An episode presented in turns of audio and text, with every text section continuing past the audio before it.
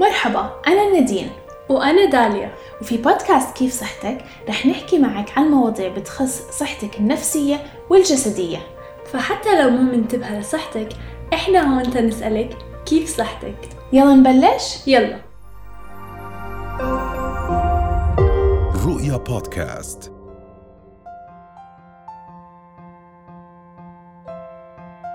في حلقاتنا السابقة حكينا عن إيش الفحوصات الدورية اللي لازم تعملها النساء آه، خلال فترات حياتها المختلفة. بهاي الحلقة رح نركز كتير أكتر على مرحلة انقطاع الطمث وإيش هي الفحوصات والأشياء اللي لازم تنتبه إلها آه، كل ست بعد هاي المرحلة. أكيد عندنا حلقة كاملة كمان من الموسم الأول عن مرحلة انقطاع الطمث وماذا سيحدث في هذه المرحلة؟ بس هاي الحلقة رح نركز أكتر على الفحوصات اللي لازم تعمليها بشكل دوري آه، واللي لازم تحكي مع الدكتور أو الدكتورة فيها. أكيد بشكل الأستروجين وهو الهرمون المتواجد عند النساء بكثرة عامل أساسي بالحفاظ على صحة القلب والدورة الدموية. عشان هيك نسبة التجلطات بتكون عالية عند الرجال مقارنة بالنساء. بس بس ينقطع الطمث عند النساء تقل نسبة الإستروجين وبتزداد نسبة حدوث جلطات عند النساء مقارنة بفترة ما قبل انقطاع الطمث فمن المهم متابعة العوامل اللي بتأثر على حدوث جلطات. من أهم العوامل اللي بتزيد نسبتك في التجلطات اللي لازم تنتبهي لها هي الضغط العالي.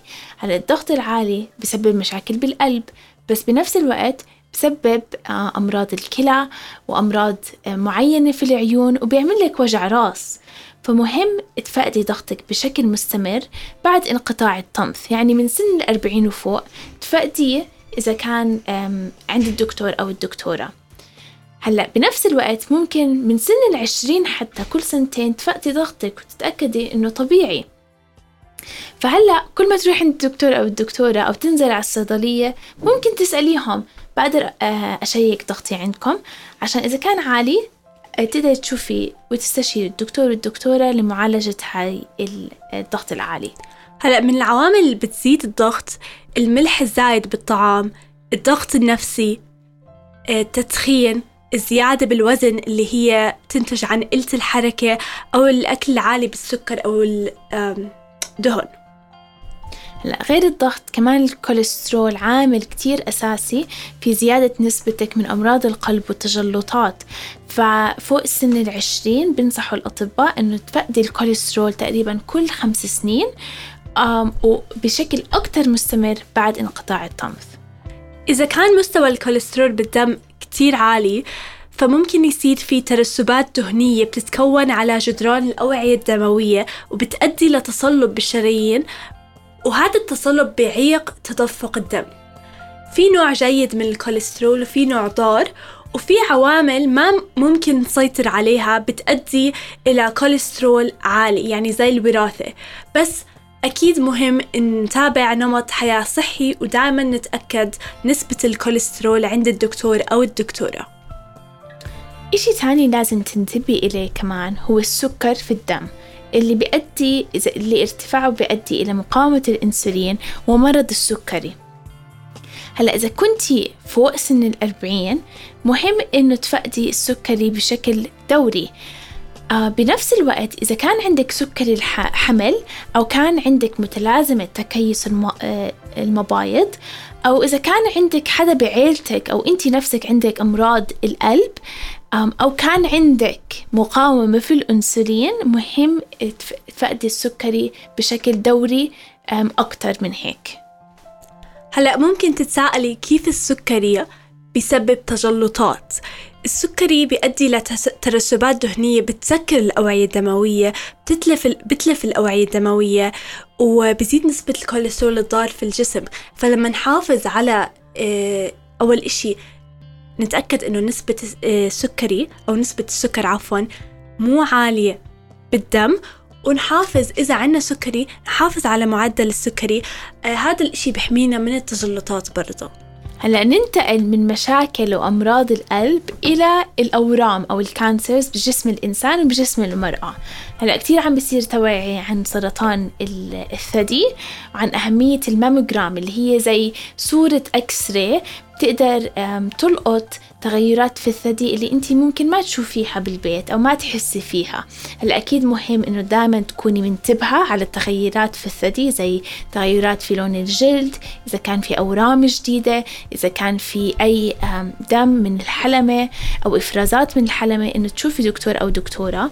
بس غير هيك من سن الأربعين كل سنتين لازم تروحي وتشوفي تعملي الماموجرام اللي هي هاي الصورة. آه، ال X-ray وأكيد إذا كان عندك من العيلة حدا أصيب بسرطان الثدي ساعتها احكي مع الدكتور أو الدكتورة بالموضوع عشان تقدري تعملي هذا الفحص بشكل مستمر أكتر.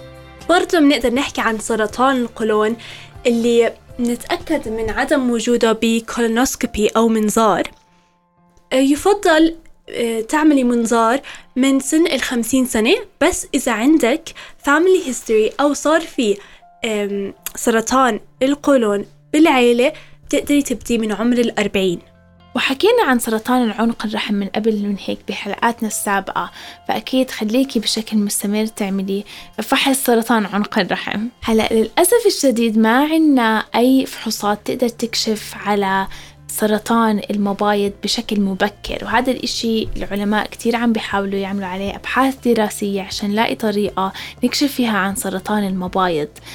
أم فلنقدر نحكي لكم إياه إنه تقدري تشوفي الدكتور والدكتورة إذا أنت قلقانة من هذا الموضوع وتعملي مثلا ألترا ساوند أو فحص بالدم. ممكن يعطيكي زي مؤشر إذا كان عندك هذا السرطان. وتكوني منتبهة إذا في حدا تاني بالعيلة عنده آه، صار سرطان آه، توصلي هالمعلومات للدكتور أو الدكتورة. بس بقدر أعطيكي الأعراض الشائعة في سرطان المبايض واللي منها آه، النفخة أو أي وجع أي إذا حسيتي شهيتك فقدتيها أو عم تحسي حالك شبعانة بسرعة. أو إذا بتحسي حالك إنك بصير عندك نقص بالوزن أو زيادة بالوزن أو أي تعب آه، إرهاق شديد. هلأ هاي الأعراض كلها كتير ممكن تصير مع أي حدا منا فمش كتير دقيقة أو يعني مخصصة لسرطان المبايض وهذا الإشي آه، بخليه آه، معظم النساء إنه يوصلوا لمراحل كتير متقدمة في السرطان قبل ما يقدروا يكشفوا عن سرطان المبايض. وآخر إشي بدنا نحكي عنه هو هشاشة العظام هلأ أكيد بعد انقطاع الطمث بنزل الإستروجين وهذا بيؤدي لانخفاض بكثافة العظام وهذا اللي هو السبب ليه ممكن تزيد عند معظم النساء نسبة إنه يصير عندك هشاشة العظام هلأ في أشياء تانية ممكن تحافظي عليها حتى ما يصير عندك هشاشة العظام زي توقفي تدخين تفحصي فيتامين دي توقفي آه تخففي عفوا من الوزن. إذا عندك وزن زائد تحافظي على آه السكري إذا عندك سكري.